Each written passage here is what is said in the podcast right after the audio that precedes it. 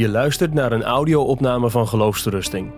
De video die bij deze opname hoort kun je vinden op onze website. We gaan uh, vanavond samen nadenken over Efeze hoofdstuk 2, vers 1 tot en met 10. En als je nou een Bijbel bij je hebt, dan zul je geholpen worden om die Bijbel open te houden. Want we gaan gewoon door die tekst heen wandelen. Het werkt denk ik ook met je telefoon. Uh, dus als je een Bijbel op je telefoon hebt en je hebt niet de fysieke Bijbel bij je, uh, zoek vooral Efeze 2 op, zodat je goed kunt volgen waar we samen over na gaan denken. Nou, voordat we naar die tekst gaan kijken, wil ik nog kort samen met jullie bidden. Dus laten we bidden.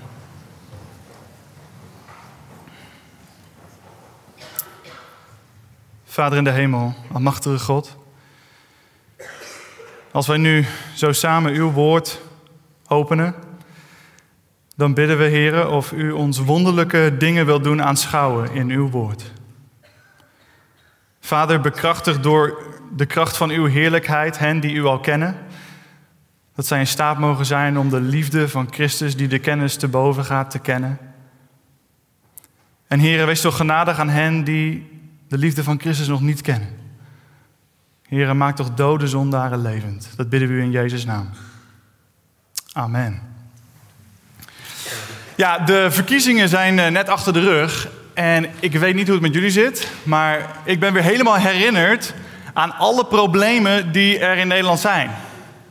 want daar gaat politiek over. Het oplossen en zo je wil uh, veroorzaken van problemen. Maar als ik jullie nou zou vragen, hè, wat is het allergrootste probleem? En niet alleen in Nederland, maar laten we zeggen over de hele wereld. Wat is het allergrootste probleem van de mensheid? Nou, waar gaat de moderne mens naartoe om antwoorden te krijgen op dit soort diepe vragen? ChatGPT. Dus ik heb ChatGPT die vraag voorgelegd. Wat is het allergrootste probleem van de mensheid? Ik kreeg tien antwoorden. Tien mogelijke grootste problemen van de mensheid. Met bronvermelding. Dus ik zal je er een paar noemen. De eerste, volgens het IPCC, je kent het wel, het International Panel Climate Change, is het grootste probleem klimaatverandering. als we niks doen, dan verzuipen we allemaal binnenkort. De tweede kans hebben we voor het grootste probleem is ongelijkheid. En ze hebben allemaal een soort van cheerleading party, een organisatie die specifiek voor dat probleem opkomt. Dit is Oxfam en de World Inequality Database. En sociale en economische ongelijkheden zijn volgens hun het grootste probleem van de mensheid. Nou, de World Health Organization is veel het nieuws geweest recentelijk. Die ziet meerdere grootste problemen. Ik weet niet hoe dat kan in die lijst van tien, maar ze komen vaker voor. Uh, een daarvan is uh, de mentale gezondheidscrisis.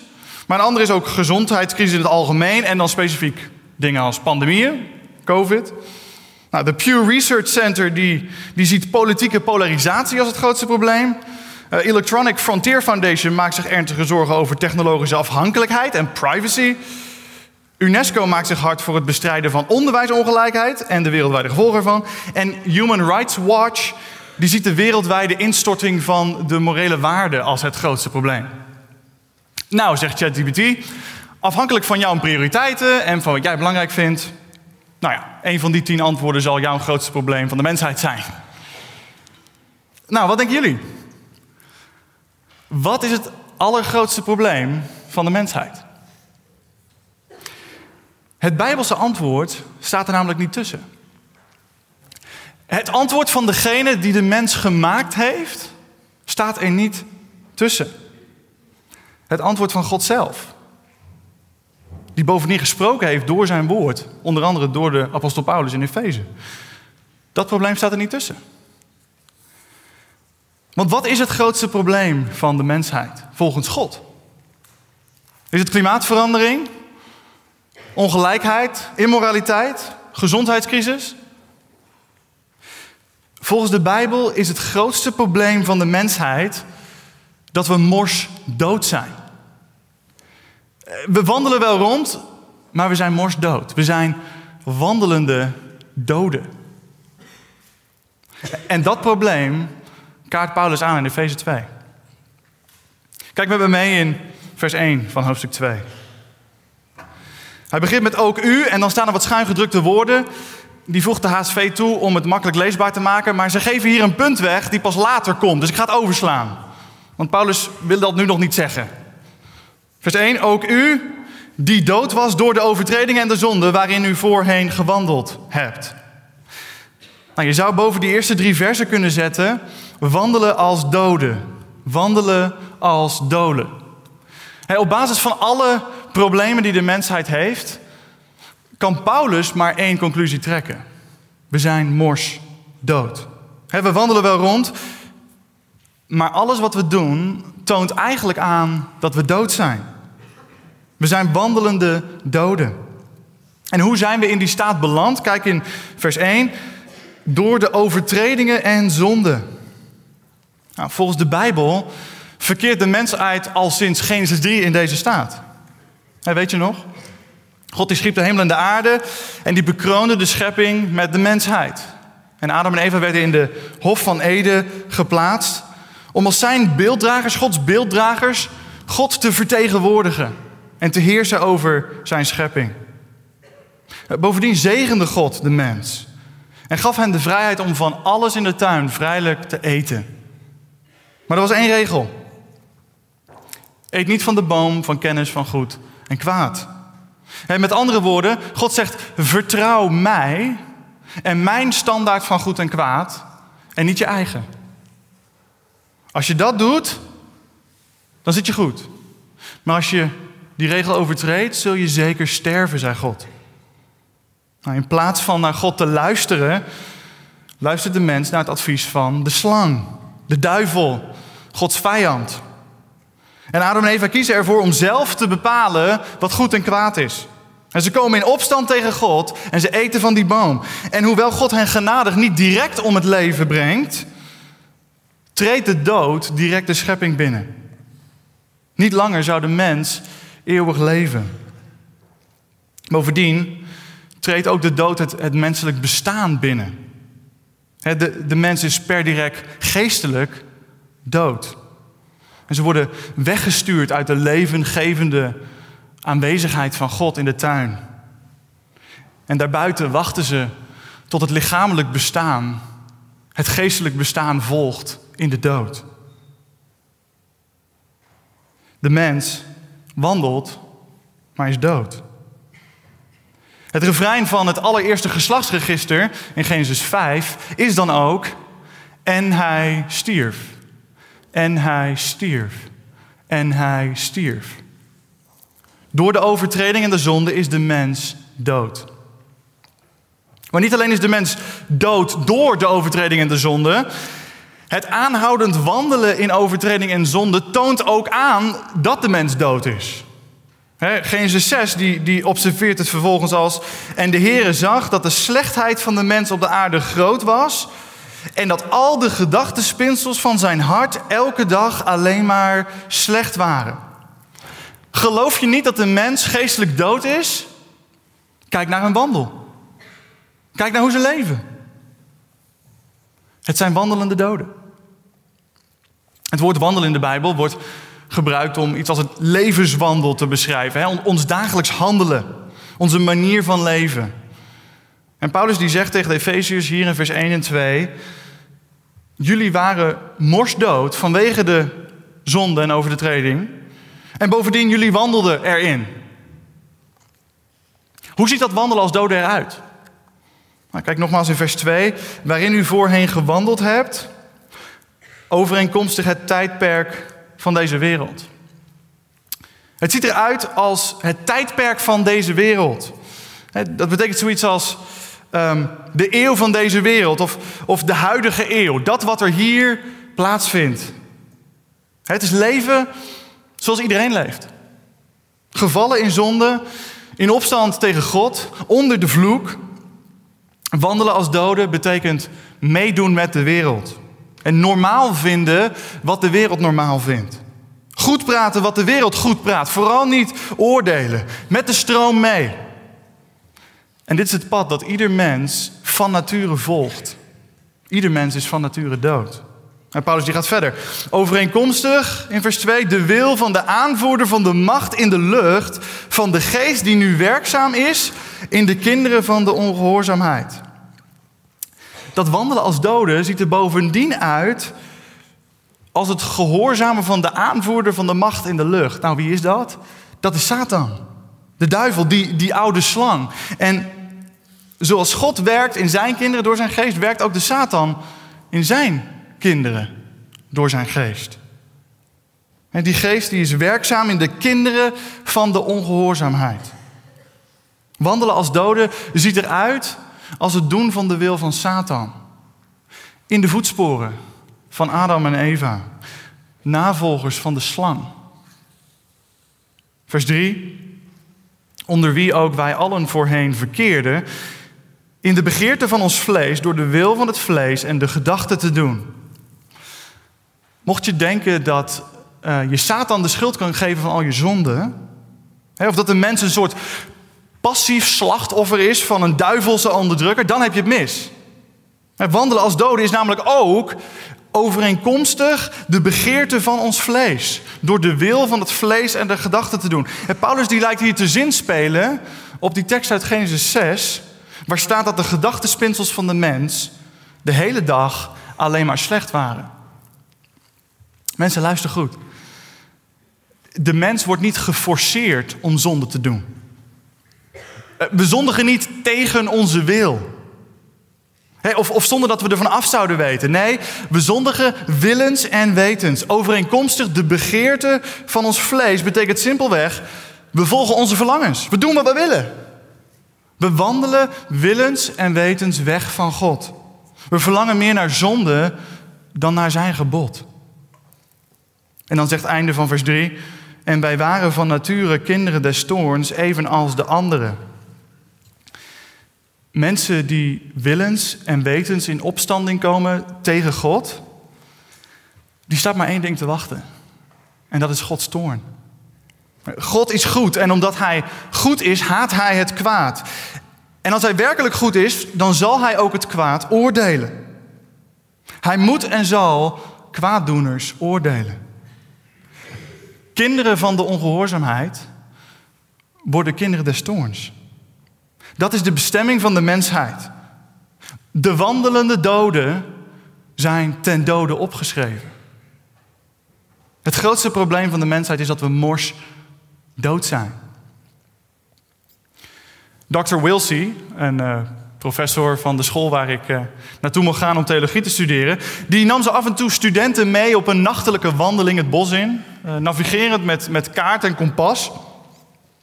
Ik mocht ook eens meegaan en op zo'n tocht kwamen we ineens uh, midden in de bossen op een hele bijzondere plaats. Het was een open plek, zo in het bos. En, en door, de, door het licht van de, van de maan en de sterren konden we wat, wat grafstenen ontwaren. We waren bij een oud kerkhof terechtgekomen.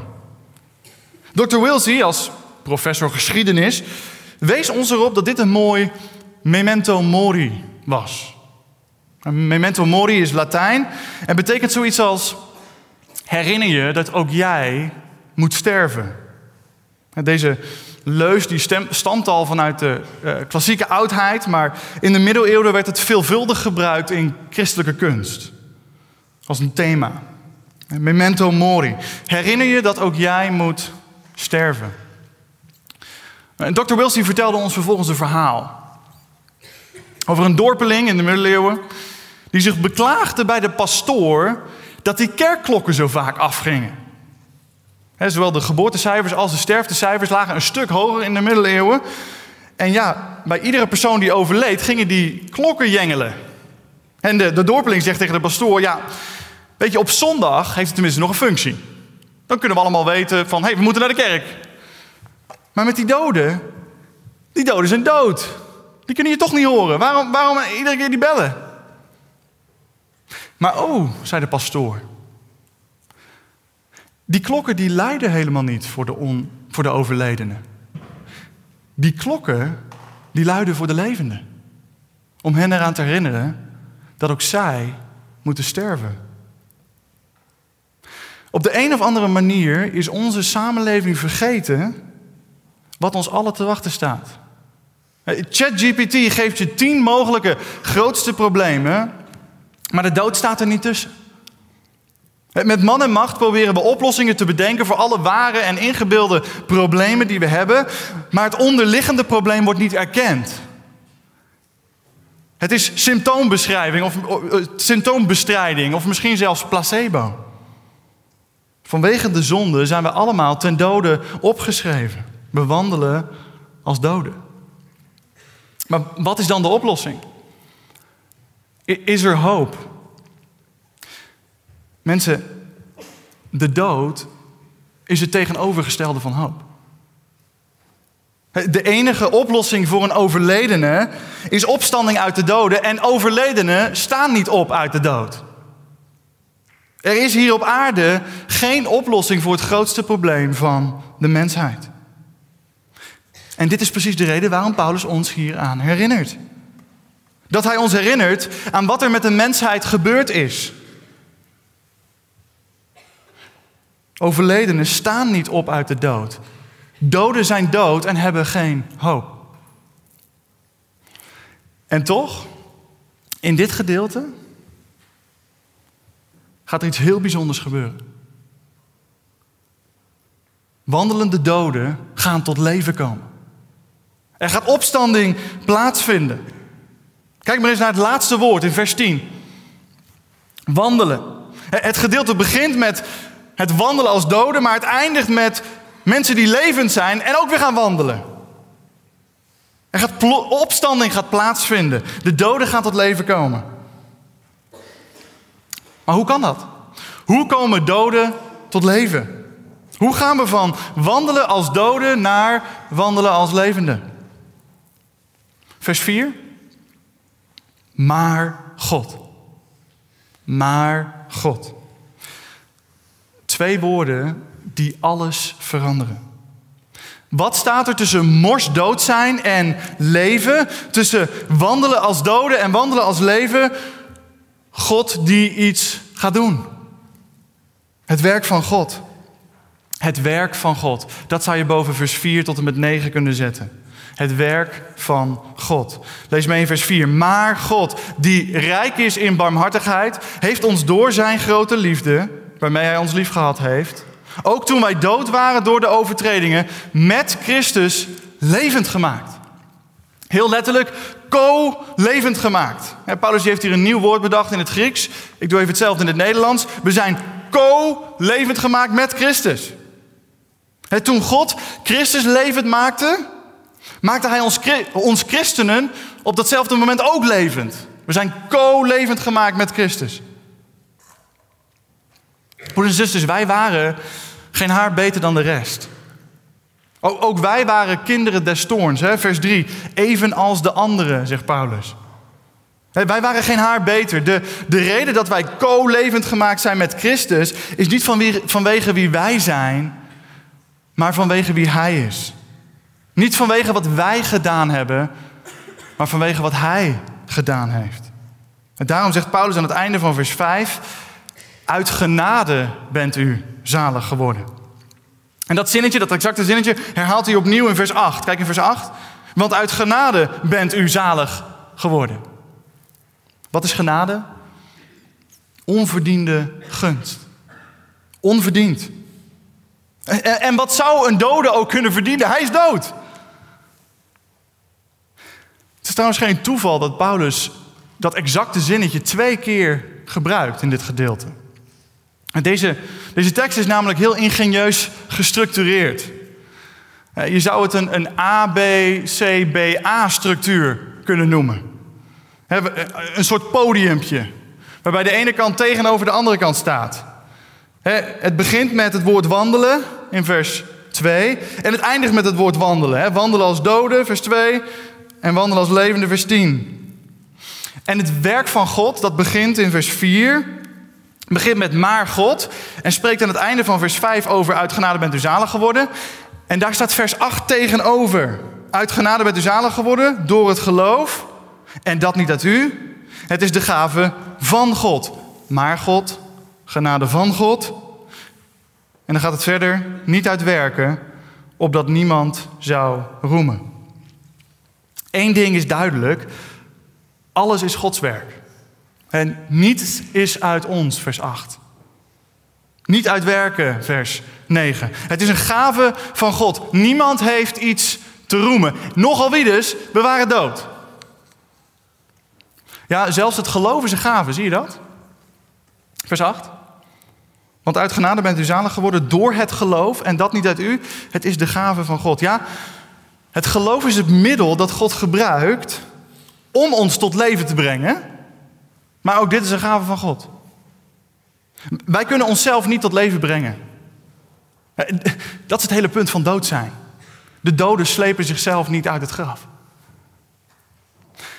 Maar wat staat er precies in het midden van ons gedeelte? Als je die structuur aanhoudt. Wat staat er op de C van de A, B, C, B, A structuur? Wat staat er op het hoogste podiumpje van, van het podiumtrapje? Wat staat daar? Of beter, wie? Vers 6. Hij heeft ons met hem opgewekt en met hem in de hemelse gewesten gezet, in Christus Jezus, opdat hij in de komende eeuwen de alles overtreffende rijkdom van zijn genade zou bewijzen door de goede tierenheid over ons in Christus Jezus. Jezus Christus staat in het midden van deze tekst. Hij is het letterlijke middelpunt van deze tekst. In het hoofdstuk hiervoor, in Efeze 1, vers 20, spreekt Paulus over de alles overtreffende kracht waarmee God Christus uit de doden heeft opgewekt. En vervolgens hoe hij Christus aan zijn rechterhand heeft gezet in de hemelse gewesten. Maar die kracht heeft blijkbaar niet alleen in Christus gewerkt, maar ook in ons. Die alles overtreffende kracht uit hoofdstuk 1, vers 20 heeft ook in ons gewerkt. Hier staat namelijk dat God ons met Christus opgewekt en met Christus in de hemelse gewesten gezet heeft. Zie je dat? En nogmaals, letterlijk vertaald, hij heeft ons co opgewekt en co neergezet met Christus in de hemelse gewesten. In hoofdstuk 1 schrijft Paulus: Christus is levend gemaakt, opgewekt in de hemelse gewesten gezet. En hier zien we: wij zijn met Christus co-levend gemaakt, co-opgewekt en co in de hemelse gewesten gezet. Alles wat geldt voor Christus, geldt voor ons. Alles wat geldt voor Christus geldt voor ons. Met andere woorden, als je tot geloof bent gekomen, ben je verenigd met Christus. Je bent één geworden met Christus. Als je hier zit en je gelooft dat evangelie, dan ben je één gemaakt met Christus. Wij, dode zondaren, co-levend gemaakt, co-opgewekt en co-neergezet met Christus in de hemelse gewesten. We zijn verenigd met de opgestaande Heer. Maar als je hier zit en je hebt dat evangelie nog niet geloofd, je je nog niet bekeerd, dan ben je dood in je zonde, zegt Paulus. En ik weet niet hoe het met jou zit, maar volgens mij ervaren we allemaal dagelijks dat er iets mis is met deze wereld. En de Bijbel geeft ons het antwoord waarom. Op de vraag waarom. De zonde is de reden dat de dood deze wereld is binnengestapt. En de pijn en het kwaad dat jij buiten jou ervaart, dat is daar vanwege de zonde. En het feit dat je dat niet fijn vindt en dat je daar moeite mee hebt, komt vanwege de zonde. Het klopt dat dat niet klopt. Dat dat niet de manier is hoe God het heeft bedoeld. Het enige probleem is, dat probleem dat jij buiten je ziet, zit ook binnenin jou. Dus als je hier zit en je weet, er zijn allerlei problemen buiten mij, maar diep van binnen, dat probleem zit ook in mij, dan is dit goed nieuws. Jezus Christus is gekomen om het leven te leven dat jij had moeten leven, zonder zonde. En vervolgens is hij de dood gestorven die jij had verdiend aan het kruis.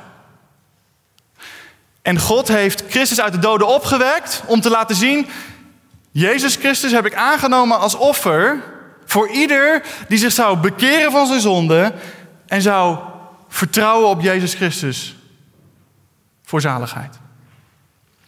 Dus als je hier zit, hoor dan deze boodschap. En hoor de genade. Als jij je bekeert en je stelt je geloof in Christus, zul je levend worden, zalig worden. En ik weet dat er veel mensen zijn hier die graag met jou zouden doorpraten over wat dat voor jou zou betekenen om Jezus te gaan volgen. Dus alsjeblieft, als die vragen in je hart spelen, spreek er met iemand over. Kom naar mij toe of naar naar iemand hier in de zaal. Ik weet zeker, we willen je graag naar Christus brengen. Trouwens, Paulus die geeft ook een reden waarom God gelovigen co-opgewekt en, en co-neergezet heeft in de hemelse gewesten. Kijk in, kijk in vers 7. Opdat hij in de komende eeuwen de alles overtreffende rijkdom van zijn genade zou bewijzen door de goede tierenheid over ons in Christus Jezus. God gaat pronken.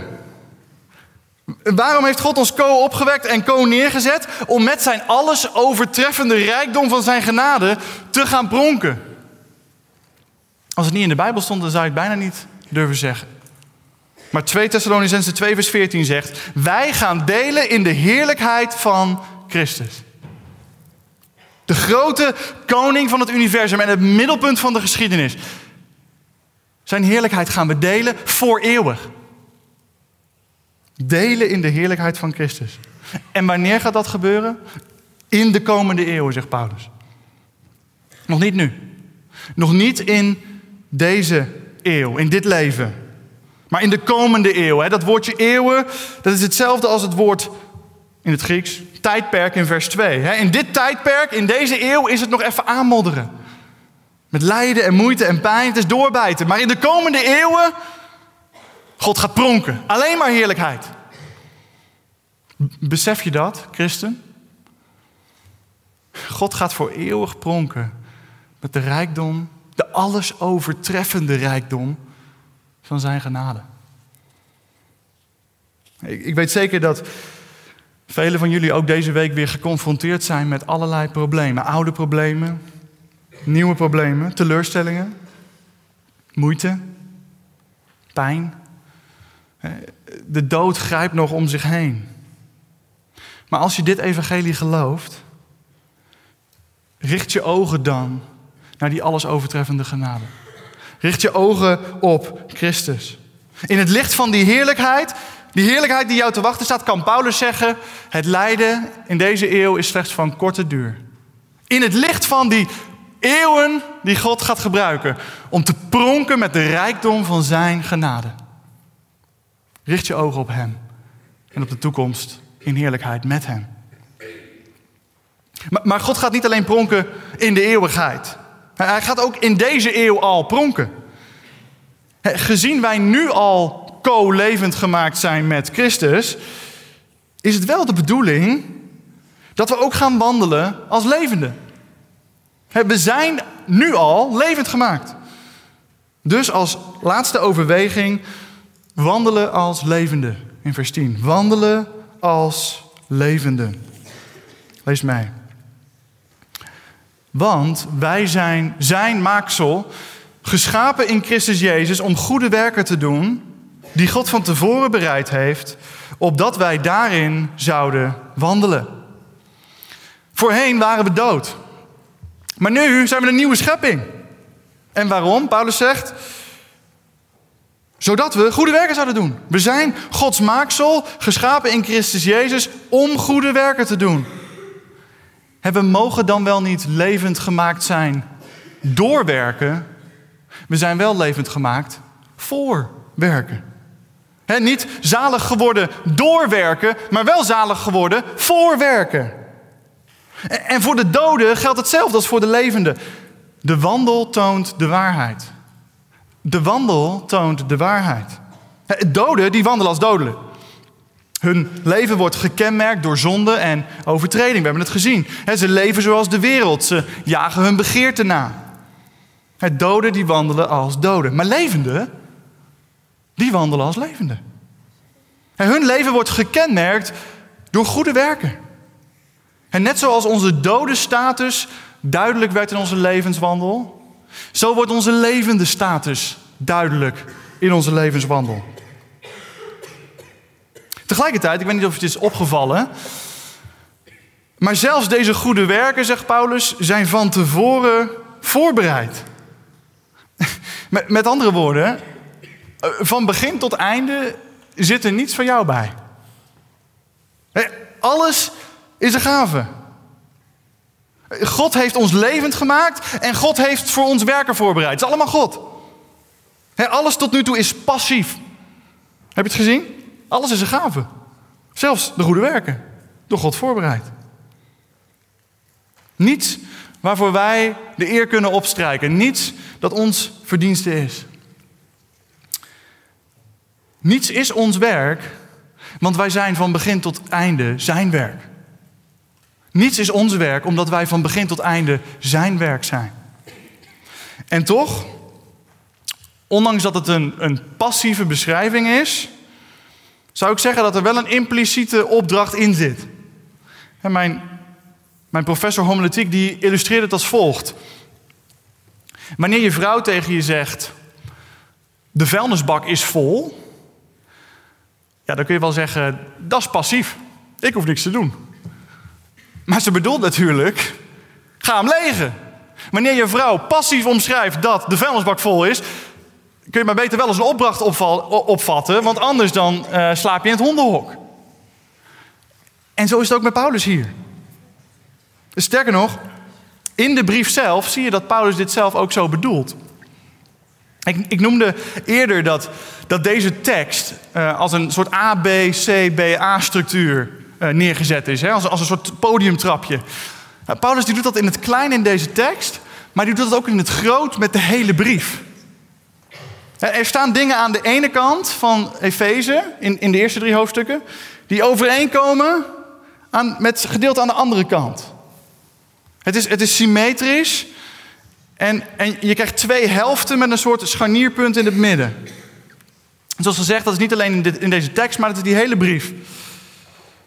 En in de Efezebrief zijn de gedeelten in de eerste helft van de brief, die zijn allemaal beschrijvend, allemaal passief. Die gaan over de waarheden van het evangelie die we hebben ontvangen.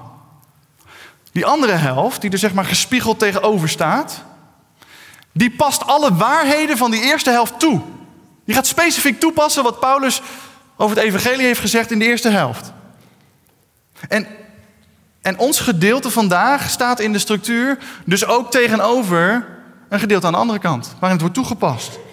Paulus die houdt op deze manier de hele boodschap van het evangelie bij elkaar. Namelijk beschrijvend en toepassing. Genade en dankbaarheid. Evangelie, allemaal genade, goede werken. Onze reactie. Ons gedeelte staat tegenover hoofdstuk 4. ons gedeelte begon met het woord wandelen en eindigde met het woord wandelen. Dat woord, dat, dat pikt Paulus weer op in hoofdstuk 4. Hoofdstuk 4, vers 17. kijk in hoofdstuk 4, vers 17. Want dat woord wandelen, dat wordt het themawoord voor de rest van hoofdstuk 4 en hoofdstuk 5. Hoofdstuk 4, vers 17. Dit zeg ik dan en getuig ervan in de Heer, dat u niet meer wandelt, daar heb je hem, zoals de andere heidenen wandelen, in de zinloosheid van hun denken. En dan gaat hij nog uitwerken over hoe wandelen als doden eruit ziet, net als in onze tekst. En dan zegt hij in vers 22, namelijk dat u, wat betreft de vroegere levenswandel, de oude mens aflegt, die te gronden gaat door de misleidende begeerte. En vervolgens gaat hij op allerlei manieren toepassen wat het betekent om als levende te wandelen. Hij zegt: stop met dit doen en ga juist dat doen. Leg het ene af, doe het andere aan. Wat is mijn punt? Nou, hoewel wij het nieuwe leven hebben ontvangen en zelfs dat de goede werken zijn voorbereid van tevoren door God, betekent dit wel dat wij aan de slag moeten. Zo past Paulus het zelf toe in de Efezebrief. Hij gaat in hoofdstuk 4 en 5 dit principe op allerlei gebieden van het leven gaat hij toepassen. Niet meer als een dode wandelen, maar als een levende. Niet handelen zoals de oude mens, maar zoals de nieuwe mens. Nogmaals, we zijn niet gered door werken, maar we zijn wel gered voor werken. Efeze 2, vers 1 tot 10 zou ons moeten aanmoedigen om goede werken te doen. Om in nieuwheid des levens te wandelen, zoals Paulus het omschrijft in Romeinen 6. En voorheen waren we niet in staat om goede werken te doen. We waren dood in onze zonde. Maar we zijn levend gemaakt. God heeft ons met Christus opgewekt. We zijn een nieuwe mensheid geworden. Een nieuwe schepping. We zijn in staat gesteld om goede werken te doen. Wat betekent dit praktisch? Nou, bijvoorbeeld, Dat wanneer mensen om je heen, op het werk of op school, weer eens negatief spreken over anderen die er niet bij zijn, of schuine taal uitslaan, of alleen maar kunnen klagen over het leven, dat je bewust daar niet in meegaat. Dat je niet wandelt zoals de rest, zoals het tijdperk van deze eeuw. De dode mens is dood, jij bent levend gemaakt. Eh, dus je, je doet niet alleen niet mee, maar in plaats daarvan zeg je misschien juist positieve dingen over personen die er niet zijn. Of je laat anderen weten dat je liever niet wil dat ze dat soort oneervolle taal uitslaan. Of je spreekt positief over het leven. En zegt dat je dankbaar bent voor wat God jou heeft gegeven. En, en ik weet het, anders zijn dan de wereld is niet makkelijk. Maar het is een geweldig getuigenis van de kracht van God wanneer je het wel doet. Dat Gods kracht in jou aan het werk is. Het is wandelen in goede werken omdat jij Gods werk bent. Het betekent ook dat je niet langer de Satan navolgt. Dat klinkt vrij heftig, maar het komt hierop neer. Je komt niet meer in opstand tegen God. Je denkt niet langer dat jij het beter weet dan God. En ik weet, we zouden het allemaal niet zo zeggen. Zo van, ik weet het beter dan God. Maar ik denk dat we allemaal wel gebieden in ons leven kennen waar we Gods goede instructies voor ons leven regelmatig ongehoorzaam zijn. En misschien gaan we ook niet echt de strijd aan met die zonde. Broeders en zusters, wanneer we dat doen, zijn we in duivelse opstand tegen God. Het is wandelen als doden. Dus wat het ook is, bespreek het met iemand. Met een vriend of vriendin, het liefst een lid van je gemeente. En ga de strijd aan. Hou elkaar scherp. Strijd die strijd. Die dode mens moet dood blijven en die levende mens moet zichtbaar worden. Wandel in goede werken omdat je zijn werk bent. En als laatste misschien wel de moeilijkste, onze verlangens. Ons vlees, ons instinct, die begeerte. we moeten stoppen met zonde goed te praten en dan te zeggen, ja, zo zit ik nou eenmaal in elkaar. We hebben het gezien, de wandel overeenkomstig het vlees, overeenkomstig je instincten, je verlangens, ja zelfs je, je natuurlijke gedachten, dat is een dode wandel. We moeten onze verlangens filteren door het woord van God. broeders en zusters, laten we onszelf oefenen om onze vleeselijke verlangens onder controle te krijgen. Om te wandelen in goede werken. Om in staat, zijn, om in staat te zijn om die goede werken tot uitvoer te brengen. God heeft ons levend gemaakt. En bovendien heeft Hij ons de kracht gegeven om in die goede werken te wandelen. Dus wandel in goede werken, omdat je Zijn werk bent. Want God heeft die werken zelfs voor jou voorbereid, van tevoren, zodat jij erin zou wandelen. Zodat we in dit leven voor God zouden pronken. Hem zichtbaar zouden maken. Dat zijn levendmakende opstandingskracht zichtbaar zou worden in ons. Dat Christus zichtbaar zou worden. Broeders en zusters, toen wij nog wandelende doden waren en in zonde leefden, heeft God ons uit genade met Christus levend gemaakt. En met Hem in de hemelse gewesten gezet. Dus laten wij, terwijl we uitkijken naar die heerlijkheid die nog komen gaat, onze lichten nu in deze eeuw zo laten schijnen voor de mensen, dat zij God zullen verheerlijken. Laten we samen bidden.